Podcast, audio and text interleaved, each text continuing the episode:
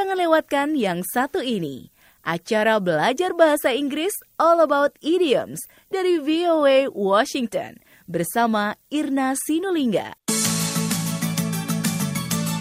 Halo dan apa kabar semua sobat VOA? Di sini saya bersama Jonathan Evans.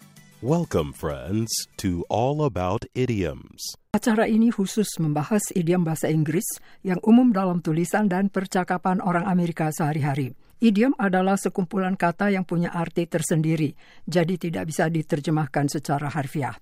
Oleh karena itu, jika seseorang memahami idiom yang jumlahnya ribuan, sering dinilai bahasa Inggrisnya setara dengan seorang native speaker. Salah satu idiom yang sering kita dengar atau baca adalah Jonathan. Caught red-handed, Irna.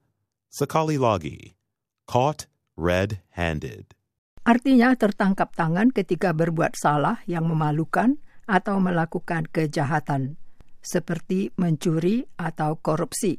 Caught, ejaannya C-A-U-G-H-T, adalah past tense untuk catch, ejaannya C-A-T-C-H, artinya tangkap.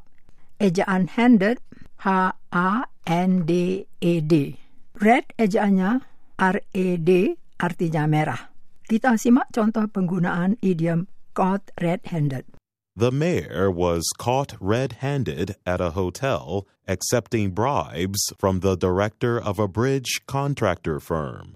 Apparently, the mayor has been under surveillance for some time. Artinya, wali kota itu tertangkap tangan di salah satu hotel sedang menerima uang suap dari direktur perusahaan kontraktor jembatan. Rupanya pengintaian terhadap wali kota sudah agak lama dilakukan. Untuk lebih jelas lagi, kita simak contoh kedua. The two men dropped the stolen goods when they heard the car sirens. They didn't want to get caught red-handed. Artinya, kedua laki-laki tadi menjatuhkan barang-barang curian itu ketika terdengar oleh mereka sirena mobil polisi.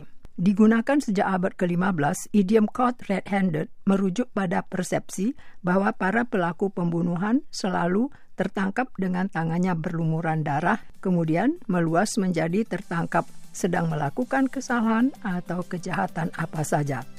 Sekian perjumpaan kita untuk hari ini. So long, and thanks for listening.